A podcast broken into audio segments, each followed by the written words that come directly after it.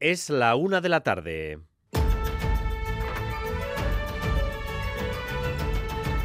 Crónica de Euskadi con Dani Álvarez. A Ratzaldeón, el salario mínimo vuelve a subir un 5%. Lo hace con el impulso del Gobierno de España y los sindicatos, pero esta vez sin el respaldo de los empresarios. Sea como sea, el SMI queda a partir de ahora en 1.134 euros al mes. Izaro Baza, a Ratzaldeón.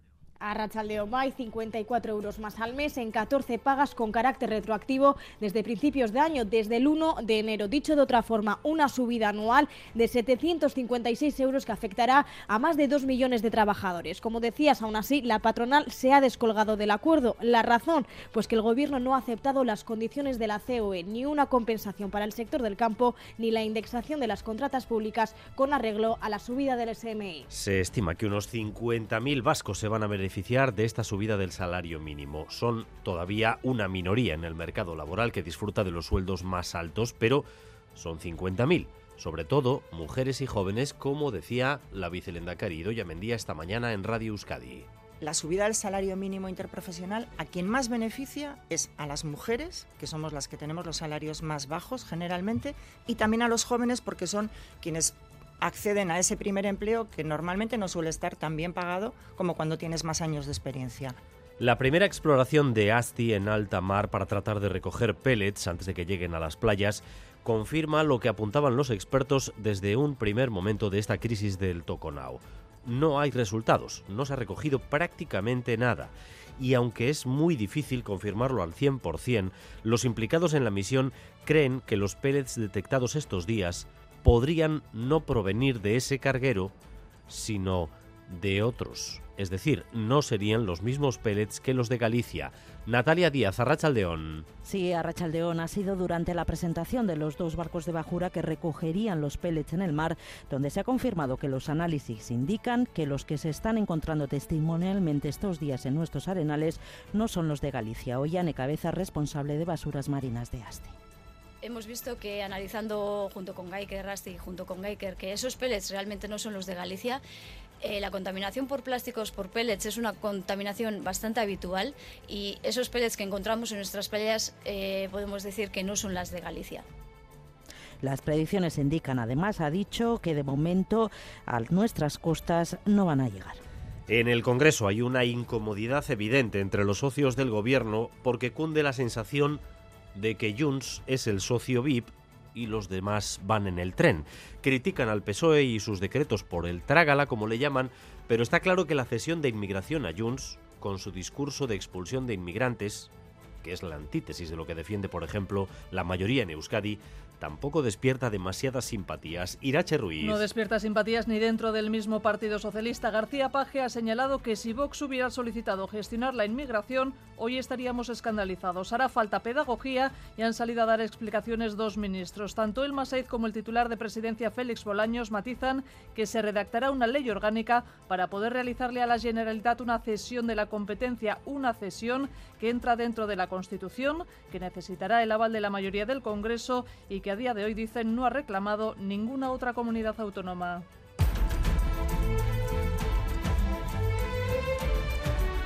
La guerra de Gaza se extiende por Oriente Medio. Aviones estadounidenses y británicos han atacado posiciones de los hutíes en Yemen y estos han prometido ya una respuesta. Óscar Pérez. Ataques sobre 60 objetivos ubicados en 16 localizaciones distintas, entre ellas la capital Sanaa y la ciudad de Odeida. Joe Biden asegura que han sido unos bombardeos milimetrados y Rishi que los ataques han sido limitados, necesarios y proporcionales. Los hutíes aseguran que han muerto cinco de sus militantes y otros seis han resultado heridos. Han prometido que darán una respuesta.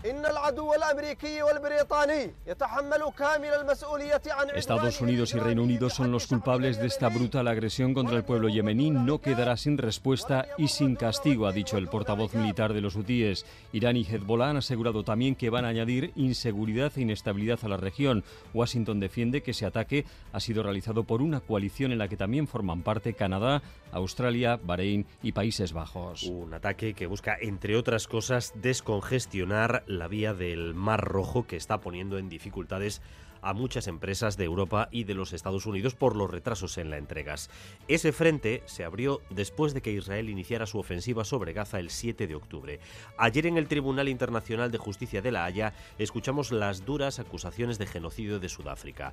Esta mañana Israel ha respondido acusando a los sudafricanos de manipular los hechos. Aseguran que las víctimas son ellos, los israelíes. The attempt to weaponize the term genocide Israel, El intento de utilizar como arma el término genocidio contra Israel hace que se vacíe de contenido, pierda su fuerza y su especial significado. Ha dicho esto uno de los abogados que ha hablado en nombre de Israel. Ayer hablaron los sudafricanos, hoy Israel se está defendiendo. Y el Guggenheim presenta su ambiciosa programación artística para 2024, hasta 10 exposiciones temporales de artistas como el italiano Giovanni Anselmo, la primera del año, una muestra sobre el arte pop, el japonés Yoshitomo Nara o la navarra Yune Crespo. Vidarte, el director, destaca los parámetros que tiene en cuenta el museo a la hora de elaborar la programación de este año. Una programación presidida por los parámetros de calidad, de ambición, diversidad, de equilibrio, que han sido lo que viene siendo la norma de, nuestra programación a lo largo de estos años. Vamos a presentar en el museo nueve exposiciones temporales, además de una nueva presentación de la colección permanente. Y lo vamos a hacer, como decía, intentando que esa programación refleje los diferentes medios en los que se expresan los artistas de nuestros días, la pintura, la escultura, la imagen en movimiento. Lo dicho, primera exposición del año en el Guggenheim, retrospectiva dedicada a Giovanni Anselmo, uno de los exponentes del arte pobre, fallecido en diciembre. Y vamos también con lo más destacado del deporte con César Pérez Gazolaz. Arrachaldeón César. Arrachaldeón Dani, Deportivo La Vez abre esta noche la jornada 20 en primera, juegan el Pizjuán contra el Sevilla, un rival directo esta liga que lucha como el glorioso para escaparse de la zona baja. Tienen un punto menos que el equipo de Luis García Plaza. Y Osasuna se ha marchado enfadado de Arabia con un buen mosqueo porque el árbitro no pitió una falta previa a jugador Osasuna en el primer gol del Barça, falta de Christensen sobre Arnaiz que el VAR revisó y no vio cuando faltas muy parecidas se habían estado pitando durante todo el partido. Los rojos recibían dos goles en la segunda parte, perdían 2-0 y caían eliminados en la semifinal de la Supercopa de, Arabia. En baloncesto, Basconia vuelve a jugar hoy un nuevo encuentro de Euroliga. Reciben a Olympiacos en el Buesa a partir de las ocho y media.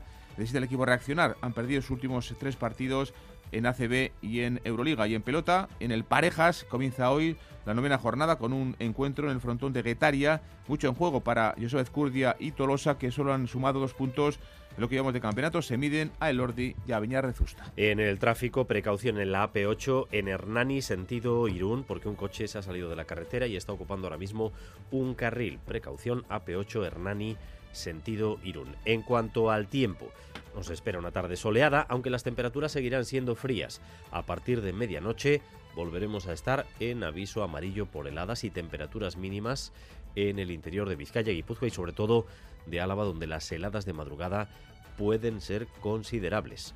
Fin de semana seco y con temperaturas, eso sí, un poco más suaves, es lo que tenemos por delante. 3 grados en Pamplona, 4 en Bayona y en Vitoria, 7 en San Sebastián, 8 grados de temperatura en Bilbao. Gracias un día más por elegir Radio Euskadi y Radio Vitoria para informarse. Raúl González y José Ignacio Revuelta se encargan de la dirección técnica, María Cereceda de la coordinación.